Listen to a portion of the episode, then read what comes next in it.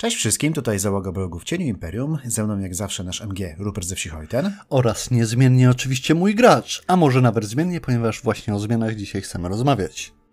Dokładnie tak, zmiany, mutacje, klątwa Cincha, jak to ugryźć? Jak z tym żyć, panie imperatorze? Jak z tym żyć? No, pan imperator odpowiedziałby zapewne, że krótko, ale to kwestia tego, czy odpowiadałby przed słynnym edyktem, czy po słynnym edykcie. E, dokładnie. No bo dzisiaj będziemy właśnie rozmawiać o kwestii mutacji, o tym, czy mutanci z założenia niejako są źli i co w zasadzie z tymi mutantami i ich mutacjami robić, jak na to patrzeć w Starym Świecie, jak Stary Świat na to patrzy z tego, co tam lore nam chce podpowiedzieć tu i ówdzie, tak? Bo ile łowcach czarownic i płonących stosach wiemy wszyscy, to jest to powiedzmy ta oficjalna linia właśnie taka rządowa nowego i starego ładu, ale dzisiaj politycznie się nam robi w podcaście. Natomiast wiadomo, że jak ze wszystkim w Warhammerze mamy wyjątki, mamy inne podejścia, mamy gdzieś tam zapiski na marginesach i temu chcielibyśmy się też troszeczkę poświęcić prawda? W dzisiejszym odcinku.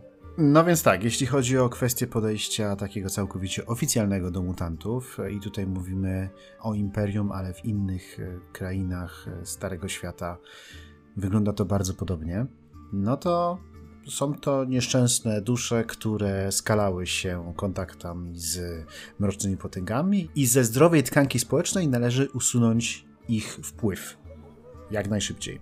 To prawda, chociaż już tutaj się tak pojawia takie drobne rozróżnienie w zależności od tego, kogo bardziej słuchamy, bo mamy od właśnie jednego biegunu, gdzie są to chcący doprowadzić do upadku i zniszczenia imperium, cywilizacji i wszystkiego co dobre poplecznicy mrocznych potęg, po tak naprawdę no, przypadkowe ofiary, które tak, są po stronie zła, ale same też cierpią i same są ofiarami w całym tym konflikcie i na swój sposób trzeba im zaoferować litość w postaci powiedzmy szybkiej śmierci. I to są też takie ekstrema, prawda, w, w samym tym punkcie widzenia, że niezależnie od wszystkiego mutantów trzeba się pozbyć. A to i tak jest jedynie ten jeden z bardziej ekstremalnych punktów widzenia, bo nie jedyny jak głośno e, wielki teogonista by nie twierdził, że jest inaczej. Dokładnie tak, no bo tutaj zaraz na dzień dobry należałoby właściwie sklasyfikować trochę mutacje. Co to jest mutacja, dlaczego mutacja i czy na przykład zajęcia warga też jest mutacją. No? I dodajmy do tego, że w samym lore mieliśmy również zarówno bohaterów, często różnych tym zajmują, ale mam też w lore wspomnianych imperatorów, którzy właśnie takimi rzeczami się zajmowali. Zresztą ja bym tak jeszcze zrobił krok w tył od tych mutacji mhm. i wszystkiego.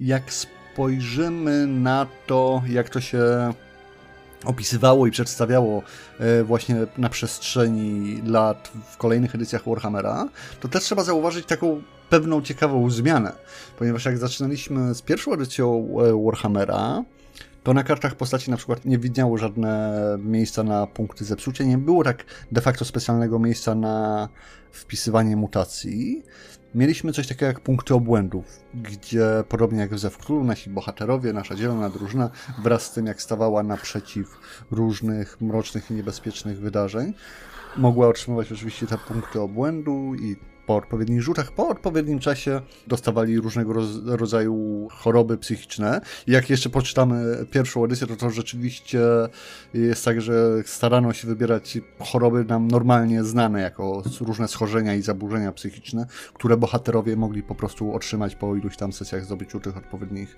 punktów. I to były takie rzeczy, które znamy jak najbardziej ze swojego świata, w sensie, nie wiem, zaburzenia odżywiania, nienawiści, oczywiście takie bardziej fantastyczne rzeczy również. Ja bym tutaj mógł dodać, że jeżeli poczytasz sobie na przykład Realms of Sorcery do pierwszej edycji, to tam, chociaż cały tom zajmuje się magią i różnego rodzaju rzeczami z nią związanymi, i nawet na przykład porusza łowców czarownic, to o samych mutacjach i zmianach indukowanych przez magię tam nie znajdziesz żadnego kapitu. Dokładnie. W zasadzie w głównym podręczniku chyba nawet nie można znaleźć słowa mutacje za bardzo. Niemniej jednak to nie jest tak, że mutacji nie było. One były, tylko że one były bardziej darem dla sług chaosu, prawdziwych wojowników chaosu i tak. I w ten sposób funkcjonowały. I to mechanicznie w ten sposób było opowiadane. Druga edycja wprowadziła taki bardzo duży nacisk właśnie na mutacje i te zmiany, prawda? Tak, no ale wciąż obstajemy przy punktach e, obłędu, prawda, tych psychicznych skazach i teraz jak dostajemy choroby z kolei, to one są takie dużo bardziej fantastyczne. Już odchodzimy od takich, wiadomo, nie zawsze, ale wiele tych opisów schorzeń umysłowych w drugiej edycji są takie schorzenia właśnie bardziej fantastyczne, prawda, jakieś różnego rodzaju, widzicie tego typu rzeczy. Staramy się odchodzić od prawdziwych schorzeń znanych nam z naszego rzeczywistego świata. O trzeciej edycji się nie wypowiem, bo powiem szczerze, nie szperałam, też wiem, że niewiele osób się tym interesuje. Natomiast czwarta edycja już jakby zupełnie jest z drugiej strony. Mamy de facto punkty zepsucia, nie, nie mamy punktów obłędu w ogóle. I te punkty zepsucia nam dają zarówno psychiczne, jak i fizyczne mutacje, gdzie fizyczne, no to wiadomo, maski, nie maski, inne tego typu rzeczy. Podczas gdy mutacje psychiczne, no to wciąż mamy właśnie jakiś tam zakres, prawda, różnych zaburzeń psychologicznych, od fobii, niefobii, po te coraz bardziej fantastyczne i wymyślne powiedzmy zaburzenia, które już nie do końca mają odzwierciedlenie w naszej rzeczywistości. Ale chciałbym, chciałbym właśnie zauważyć, że jest ewolucja, że w Warhammerze na przestrzeni lat to się jednak zmieniało, jakoś to było dostosowywane. Myślę, że po części z tego co graczy interesowało i z tego, co też GW, prawda, jak autorzy próbowali zmieniać, bo na początku mamy właśnie takie bardzo Lovecraftowskie do tego podejście, gdzie ostatecznie jest wielkie, niezrozumiane zło, jak bogowie chaosu, którzy są na równi, prawda, z tymi istotami przedwiecznymi z mitów Lovecrafta, gdzie człowiek po prostu nie jest w stanie naprzeciw temu stanąć i po prostu jego umysł się łamie i rozpada w odpowiednim czasie. No i przez kolejne edycje jednak dochodzimy do tego fragmentu, gdzie to jest bardziej jednak taka namacalna fantastyka, ewentualne konsekwencje. Wciąż straszne są jednak dużo bardziej takie fantastyczne i myślę, że na swój sposób jednak lżejsze do poruszania, prawda, w takim dorosłym towarzystwie, no bo inaczej się rozmawia o poważnych chorobach, a inaczej się rozmawia o tym, że komuś, yy, nie wiem... Wyrosła macka. Wyrosła macka, trzy ręce, czy coś takiego, gdzie o ile fikcji świata jest to przedstawione jako straszne i powoduje dużo problemów, zresztą na sesji też. O tyle, prawda, jest to ta część tego, co łatwo jest zamknąć w pudełku, okej, okay, fikcja, zabawa, nie powinno to mieć dużego jakby przepływu w drugą stronę negatywnego. Co oczywiście nie twierdzę, że to złe, tylko chciałem zauważyć właśnie, że zmieniła się ta ewolucja, zmieniło się to postrzeganie. No i siłą rzeczy poprzez to, że to się zmienia w podręcznikach, zmienia się w kolejnych edycjach, to też ewoluowało w świecie przedstawionym, w lore, z tym, co możemy to zrobić. I jest wiele różnych wersji i sposobów na to, żeby z tego korzystać, o, tak bym powiedział. Jak już tutaj poruszyłeś właśnie kwestie różnych edycji, to pozwól, że podzielę się takim przemyśleniem na podobny temat bardzo, bo, ale związanym właśnie z tymi z mutacjami na przestrzeni właśnie tych e, kilku dekad już. Uważam, że to jest bardzo ciekawe, że o ile druga edycja dała nam masę materiału, mamy w Tome of Corruption całą całą klasyfikację tego, w jaki sposób ludzie mogą zostać mutantami, wszystkie rodzaje tego z opisem i tak dalej, i tak. O tyle w czwartej edycji, do tej pory przynajmniej, czegoś takiego nie mamy, za to mamy pokazane przez e, kilka przykładów, w jaki sposób ten wpływ chaosu tych mrocznych potęg może faktycznie działać na ludzi. I tutaj pozwól, że się odwołam do dwóch przykładów. Pierwszy to jest przykład takiego zegaru, który w loże czwartej edycji pojawia się tam w Monuments of the Reichland w Kemperbad stoi na jednym z placów i on stoi w środku miasta i właściwie no, on jest bardzo skomplikowany i no, podkazuje godziny, ale tak nie do końca dobrze, whatever. Ale jeżeli ktoś zacznie za bardzo wgłębiać się w tajemnicę tego, w jaki sposób ten mechanizm tak naprawdę działa, to ma szansę na to, że dowie się czegoś więcej niż powinien wiedzieć na temat tej rzeczywistości i z tego powodu na przykład otrzymać te czwartoedycyjne punkty korupcji, o których wspominałeś, co znowuż może przełożyć się właśnie na mutację. A drugi przykład to jest e, przykład e, autora Liber Chaotica, który zamknięty jest w słynnym hospicjum Szali właśnie na północy Taldorfu, którego wystarczy posłuchać za dużo i za długo i może mieć to podobny wpływ. Więc tu masz pokazane właśnie jakby łączenie dwóch najlepszych takich podejść. Raz, że właśnie te rzeczy są, a dwa, że pokazane w praktyczny sposób, w jaki sposób to może funkcjonować w świecie właśnie. Tak, to prawda. Zresztą mi się podoba podejście właśnie czwarte edycyjne takie, że właśnie wiele różnych sytuacji, prawda, od brodzenia w kanałach pełnych spaczenia po właśnie czytanie zakazanych tomów, czy rozmowy z szaleńcami, potrafi ci dostarczać te punkty zepsucia i potrafi to być bramami do szaleństwa czy mutacji. Jest drobny minus czwartej edycji taki, że właśnie pozbyliśmy się punktów obłędu tylko na rzecz tych punktów zepsucia i przez to nigdy nie wiadomo tak naprawdę, czy mutacja będzie fizyczna czy psychiczna i to nie zawsze w fikcji nam na przykład pasuje, żeby nam z tego powodu maska wyrastała. Z drugiej... Ale od czego decyzja MG jest? Dokładnie, z drugiej strony po to mam mistrza gry, a trzeba też przyznać, że czwarta edycja czego jak czego, ale kolejnych dziwnych punktów na karcie postaci nie potrzebuje, mam ich wystarczająco dużo. No, ale tak swoją drogą, wracając powiedzmy do... Z powrotem do mutantów. Tak, do, do, do mutantów i do świata ładnie otworzyliśmy o tym, że większość mutantów musi pozostać jakby na obrzeżach systemu, bo inaczej zostanie zabita i że taka jest oficjalna dogma w zasadzie, nie, w zasadzie nie tylko Imperium, bo to tak samo działa przecież w Bretonii, tak samo działa w sumie w Kislewie, chociaż z mniejszym natężeniem i w zasadzie możemy domniemywać, że w innych, nazwijmy to cywilizacjach, może to działać podobnie z pewnymi wyjątkami. Tu właśnie chodzi mi o te wyjątki, bo na dobrą sprawę na przykład czarodzieje odpowiednio zaawansowani są mutantami moim zdaniem w sensie tego, jak to rozumiem. Chodzi mi już o tych, na których, prawda, znak odciska dany wiatr magii, czyli tych rudych pyromancerów, co to zawsze są zdenerwowani i tych, e, nie wiem, astrologów, co to już mają kark zawsze do góry i tylko rozmawiają z nami tak widzą przyszłość i odpowiadają na niezarane pytania. No to na nich magia i konkretny wiatr odciska odpowiednie, prawda, piętno i ich fizycznie zmienia. No i mi się wydaje, że de facto to jest no, mutacja, no, jak, jakby na tym mówisku, taka, która jest relatywnie akceptowalna. W sensie w danym społeczeństwie, w danej cywilizacji, prawda? Na dobrą sprawę można byłoby się kłócić, czy rycerze Grala, którzy są tam błogosławieni przez Panią i tak dalej, czy na swój sposób też nie są mutantami. Tutaj mnie za herezję będzie pewnie chciał ktoś skarcić, no ale jeżeli rozumiemy mutację jako zmianę fizyczne i psychiczne w, w stosunku do normy ludzkości. Tak, to... w efekcie magii, magii, prawda? Jakiegoś jej źródła, no to. No tak, ale to nie o tych mutacjach mieliśmy dzisiaj rozmawiać. to prawda. Na potrzeby tej dyskusji załóżmy, że masz rację, to tak czy siak nie o tych mutacjach mieliśmy dzisiaj rozmawiać. Mm, mi też o to chodzi, że to jest właśnie w związku z tym, że różne źródła mutacji też w różny sposób odciskają swoje piętno na użytkownikach i to jest też jeszcze spadek po pierwszej edycji, gdzie nekromanci zawsze się robili tacy trupiopodobni, elementaliści bardziej żywiołowi i tak dalej. I to się nam, pomimo zmiany systemu magicznego w Warhammerze, przeszło dalej.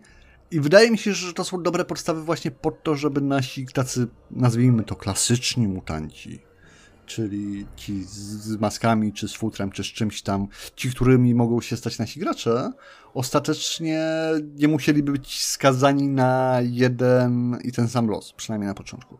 To znaczy, wiesz, no, ja uważam, że ile mutantów, tyle rodzajów mutacji, więc e, tak czy inaczej to, co mówisz, i tak by się w to wpisywało.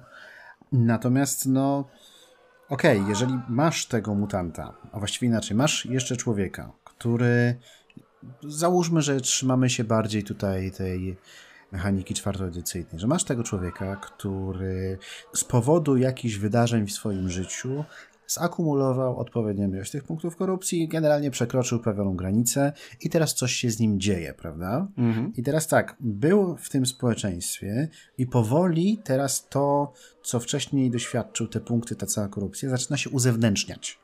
To znaczy, albo jest to mutacja umysłu, czyli zmienia się jego zachowanie w jakiś tam konkretny sposób, albo jest to fizyczna zmiana jego ciała, więc jakoś powoli coś mu zaczyna wyrastać, coś się zaczyna zmieniać i tak dalej. I teraz tak, z punktu widzenia RPG, zwłaszcza ta fizyczna część, bo to wydaje mi się, że powinno trwać dłużej, jest świetnym sposobem na to, żeby właśnie zmienić tę postać i żeby to w jakiś sposób spróbować odegrać. I ten cały, cały proces, który ostatecznie doprowadzi do tego, że dana postać zostanie całkowicie wyrwana z tego społeczeństwa, ale jeszcze nie przekroczyła całkowicie tej granicy, że jest szaleńcem czy takim wielkim blobem chaosu, który nie ma żadnej kontroli. On jeszcze tą kontrolę ma. Więc to jest, e, według mnie, robi się w tym momencie trochę taka postać tragiczna.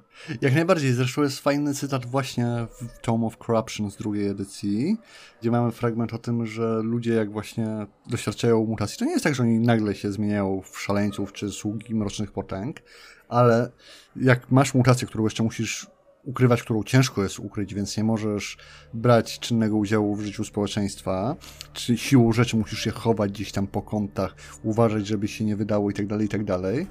Jesteś bardzo często sam, tam może najbliższa rodzina wiedzieć i wiadomo, jesteś, no siłą rzeczy, jest tam jakiś ostracyzm, jest jakieś piętno, bo jesteś tą osobą, prawda, w wiosce, tam gdzieś w chacie na końcu, czy coś takiego ukrywane w piwnicach, na strychach w ten sposób, no to siłą rzeczy sam ten fakt, że jesteś tak traktowany z każdym kolejnym dniem coraz bardziej się odciska na tej psychice i ludzie, którzy nawet z, po prostu z zwykłego zbiegu losu, prawda, w jakaś mutacja ich dotyka, to zaczynają być traktowani zupełnie inaczej, zaczynają żyć zupełnie inaczej, bo inaczej, bo muszą, bo inaczej zostaną znalezieni przez losów czarownic i spaleni na stosie, więc to ich zmusza do tego, żeby się zachować coraz bardziej jak ci mutanci, o których się opowiada, prawda, legendy, którymi się straszy dzieci. I w pewnym momencie to zaczyna się zmieniać w taką samospełniającą się przepowiednię, prawda? Jeżeli traktujemy kogoś jako złego mutanta, który chce nam zrobić krzywdę wystarczająco długo, to on się może nim stać, bo nie ma innego wyjścia. Dokładnie, zwłaszcza, że wiesz, jeżeli masz tą rodzinę czy tych przyjaciół danej osoby, która powiedzmy nie wydadzą tego mutanta inspe w łapy inkwizycji, to takim razie oni ryzykują śmierć tak samo. Więc e, to też nie jest tak, że w nieskończoność można, będzie można polegać na życzliwości właśnie swojej rodziny, czy właśnie swoich dobrych znajomych, przyjaciół. To jest jedno. A dwa, że taka ciekawostka, że właśnie ty mówisz o tym traktowaniu przez całe społeczeństwo danego mutanta, a mamy przykłady, kiedy mutant nie dawał się traktować i zamknąć w takiej trochę samospełniającej się przepowiedni i zachowywał się zupełnie inaczej i jako mutant walczył z chaosem na przykład. Z całą pewnością są właśnie te wyjątki w lore Warhammerowym. Zakładam, że tutaj ci chodzi o Karla Hoche. Tak, o Karla Hoche jak najbardziej, ale również o Reiklandzkiego Maxa na przykład. Tak, więc dla przypomnienia niewtajemniczonym, Karl Hoche jest bohaterem książek Znak Chaosu i równie ambitnych tytułów, gdzie właśnie mamy bohatera, który został napiętnowany przez chaos i w swej nienawiści do chaosu stara się go tępić, mimo że nie jest powiedzmy sam z siebie jakiś szczególnie pozytywny. I troszeczkę wydaje się być takim duchowym spadkobiercą... Kaleba Darka, nie? Dokładnie. Dokładnie który notabene właśnie był e, wyznawcą Malala jeszcze z pierwszej edycji. Natomiast Reykjawski Max to był taki panita mutant, który żył nie do końca wiadomo kiedy, ale tak wszystko wskazuje na to, że w czasie, że w czasie Trzech Cesarzy, który był takim połączeniem mutanta i Robin Hooda. Mianowicie rabował bogatych i rozdawał ludziom, którzy zostali najbardziej pokrzywdzeni przez niesprawiedliwy system podatkowy Reiklandu. Dokładnie. I oprócz tego jest gra, która działa mniej więcej na zasadzie berka e, dla dzieci, które się właśnie bawią w to, że jest się tym mutantem, ucieka się przed złymi łowcami czarownic, co jest fajne w kontekście Reklandu. I ten fragment Dokładnie mamy tak. gdzieś z trzeciej edycji, więc to też jest ciekawe. Tak. Ja bym jeszcze do tego dołożył taką bretońską wieść, która się nazywa Usain, gdzie z powodu różnych wypadków i generalnie spaczenia, a tak naprawdę zatrucia przez skaweny, które nie istnieją, wioski, Wioska zaczęła mutować, łącznie z panem na włościach, który również stał się mutantem. Kiedy zostali zaatakowani przez wspomniane skaweny, pan na włościach doszedł do wniosku, że posiadanie rogów to nie jest jeszcze problem, którego miałby zwalniać z czegokolwiek, więc zebrał wszystkich do obrony swoich włości. Nie tylko się obronił, ale to społeczeństwo w jakiś sposób tam zaczyna funkcjonować, mimo że jest odcięte od całej reszty Bretonii i stara się pozyskiwać kolejnych mutantów, żeby rosnąć w siłę? W siłę. Przy czym tutaj trzeba zaznaczyć, że ważną różnicą między nim a na przykład e, losową gromadą zwierzę ludzi jest to, że on jednak, przynajmniej z tego co e, czytamy w Knights of the Grail, on tych najbardziej szalonych mutantów, którzy przekroczyli pewną granicę, no jednak zabija na miejscu. Dokładnie, mi się wydaje, że to jest bardzo ważny tak naprawdę moment tego wszystkiego, bo e, zresztą wszystkie te opcje mutacji, tabelek mutacji pojawiały się w Warhammerze właśnie na przestrzeni lat. Po pierwsze dlatego, że gracze uważają, że to jest fajne, w porządku ciekawe, daje szansę. Myślę, że też po części dlatego, że GW w ten sposób ma sposób na to, żeby zaznaczyć się, a w zasadzie odznaczyć się od całej reszty systemów, prawda, jako coś innego, mrocznego i złego, gdzie właśnie twoje postaci nagle wyrastają maski, czy tam skrzydła i to nie jest dobre i za to cię mogą zabić. Ale myślę, że ważne jest to, że tak jak mówimy, że te mutacje są czymś, z czym można żyć, nie muszą oznaczać od razu śmierci czy szaleństwa dla postaci, czy to BN-ów, czy to bohaterów graczy. O tyle wydaje mi się, że to zawsze jest taka, wiesz, równia pochyła do pewnego momentu, gdzie już jest punkt bez odwrotu i to nie jest pytanie, kiedy się tam dojdzie, tylko to jest właśnie pytanie, kiedy się tam dojdzie, a nie czy, ten, w tym sensie. No znaczy tak, no wiesz, możesz obciąć sobie zmutowaną dłoń, ale no, z jakiegoś powodu ta dłoń ci się zmieniła, prawda? Tak, no to jest właśnie pytanie, czy z tego ziarna, wiesz, nie wyrośnie znowu coś. Poza tym sam akt odcinania sobie dłoni może niejako cię dalej prowadzić do szaleństwa i tak dalej. W ten sposób nie trzeba wiesz, wielkiej dozy wyobrazić, żeby wymyślić właśnie bohatera, który sobie obcina kolejne części ciała i po złości od Sincha czy od Nargamu zaczynają wyrastać kolejne i kolejne, prawda? Troszeczkę jak taka przeklęta hydra, gdzie oczywiście to go zapędza w dalej ten wir szaleństwa i mutacji i odcinania różnych rzeczy sobie, żeby nie powiedzieć członków. Sobie i innym na przykład. Słuszna uwaga, tak, to prawda. Tak. No, jeszcze tak y, gwoli ścisłości wypada chyba nam wspomnieć o tym, że są też miejsca i możliwości do jednak radzenia sobie z mutacjami, w jakiś sposób pozbywania się ich, o czym właśnie tak przed chwilą zaznaczyliśmy, bo zdarza się, że chirurgicznie próbuje się właśnie amputować członki dotknięte mutacją, prawda, czy tkanki. Wiemy też, że kapłanki Shaili starają się otaczać opieką nieszczęśników często też właśnie dotkniętych tych e, psychicznymi mutacjami. No i oprócz tego są różne możliwości magiczne, które mogą, aczkolwiek nie muszą pomóc dotkniętym mutacją indywiduum. Wiesz, ja bym tutaj dodał, że cinch może na przykład wylecieć z wszystkiego. Yy, ja bym tego nie dodawał, ale... ale jeżeli chodzi o wyleczenie ze wszystkiego, to jednak co troszeczkę mnie boli, ale w lore Warhammera mam jak najbardziej coś takiego i chodzi mi o królową wysokich elfów, Alariel, która na dobrą sprawę to jest tak, że w samym jej pobliżu rzeczy zmutowane nie tyle niszczy ją, co tak naprawdę wracają do swojej niezmutowanej formy i gdzieś tam jest opis, jak jakiś czempion chaosu się rzucił na nią na swoim wielkim zmutowanym koniu tam który był bez skóry czy coś takiego i zawsze czuł ból i ona była go w stanie tego konia uzdrowić i cofnąć jego wszystkie mutacje. Więc okej, okay, i tak jest wyjątkiem nad wyjątkami, jeżeli chodzi o kwestię Warhammera, ale tak, no teoretycznie w Warhammerze można według lore całkowicie wyleczyć mutację. I to mi się troszeczkę nie podoba, jeśli mam być absolutnie szczery, ale są takie mm, przykłady w lore. No są, są. A tutaj jednej rzeczy nie powiedzieliśmy a propos pozbywania się, cofania tych efektów. Nie powiedzieliśmy tutaj o pewnej mechanice, którą właśnie wprowadzono w czwartej edycji, to znaczy mrocznych podszeptów. To jest bardzo ciekawa rzecz. Ja wiem, że to jest akurat w tym wypadku ograniczone do czwartej, ale to też można rozważyć, jeżeli gra się na innych zasadach, że jeżeli już ileś tam punktów się zebrało i dana postać tak po prostu po ludzku, w odpowiednim momencie nie zrobi tego, co powinna zrobić, to mroczne potęgi trochę poluzują swój uścisk nad jej duszą i można sobie wtedy za zgodą je odpisać, tam jeden czy dwa te punkty korupcji, co jest bardzo fajną mechaniką, bo pokazuje właśnie, że to, że ktoś jeden jest już obiektem zainteresowania mrocznych potęg, to sam fakt bycia tym obiektem może właśnie popychać do tego, żeby w innych miejscach być wykorzystywanym w ramach innych planów, o których można nie mieć żadnego pojęcia i tak dalej. Ja uważam, że to jest bardzo fajna i ciekawa mechanika.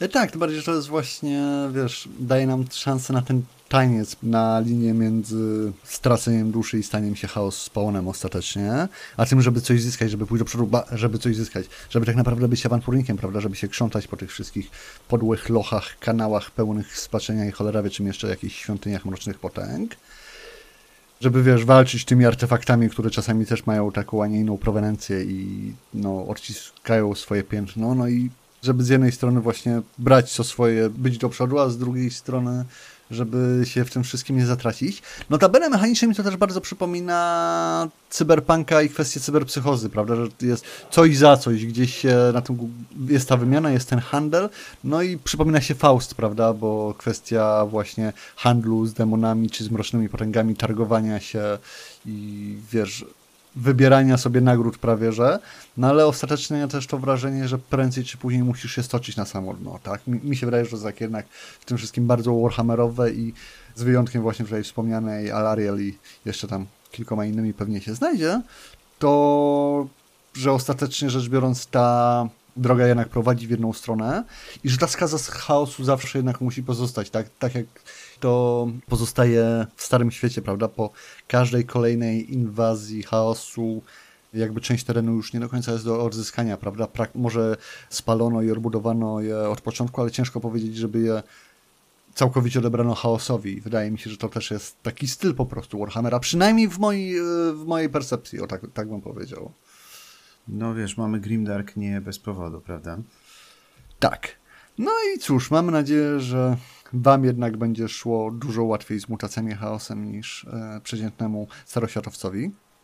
W żadnym wypadku nie uważamy, że tutaj zostały poruszone wszystkie tematy związane z mutacjami, bo tak jak mówię, mutacji jest tyle, ile mutantów, aspektów tego mogą być dziesiątki tysięcy. Mamy przykłady na to, że źródłem korupcji prowadzącej do mutacji mogą być książki, zegary, przeklęte miejsca, udział w rytuałach, rozmowa nawet. Generalnie wszystko. To jest tak szeroki temat, tak bogaty, że po prostu nic tylko czerpać z tego garściami, prawda? Tym bardziej w Warhammerze, który w dużej części jednak do tego się odwołuje. To jest jeden z głównych motywów Warhammera. Dokładnie, tym bardziej z chęcią poczytamy o waszych pomysłach, przygodach związanych z mutacjami i mutantami w komentarzach tego wideo, bo to zawsze fajnie się czyta i fajne rozmowy z tego wychodzą. Dodatkowo oczywiście, jak już chcecie nam zostawić komentarz, jeżeli wam się odcinek podobał, kliknijcie lajka, suba i inne te wszystkie rzeczy, które zmutują nasz kanał w większy, lepszy i bardziej oddany Cinchowi. A propos kanałów, e, zapraszamy do naszego Discorda. Dokładnie, tam jak tylko wejdziecie, to od razu się rzuca na opanowanie, siłę woli i wytrzymałość, bo punktów korupcji można oberwać sporo, więc ostrzegamy. Może tak być. A przy okazji dziękujemy naszym patronom. Dokładnie, to jest jeden z zawsze działających sposobów, żeby pozbyć się niechcianych punktów korupcji i pieniędzy, czyli wspierać nas na Patronajcie. A tymczasem co? Chwała Sigmarowi, niech wszyscy mutanci idą na stos. Gdzie z tymi mackami, panie, ja tu jem? O, skrzydła. No.